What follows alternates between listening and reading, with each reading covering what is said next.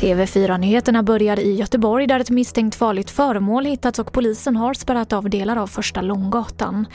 Nationella bombskyddet är på plats för att undersöka föremålet. Den ryske regimkritikern Alexej Navalny kommer att hållas frihetsberövad i ytterligare 30 dagar. Det här beslutar en domstol i Moskva. Regimkritiken förgiftades i augusti förra året och hamnade i koma och har sedan dess befunnit sig i Tyskland för vård.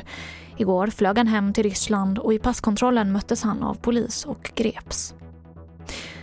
Det är rekordmånga larm om covid-19 på arbetsplatser enligt Arbetsmiljöverkets statistik.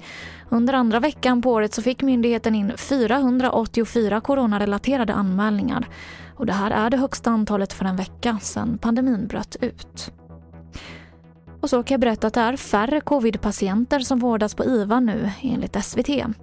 På mindre än två veckor så har antalet minskat från 389 patienter till 344.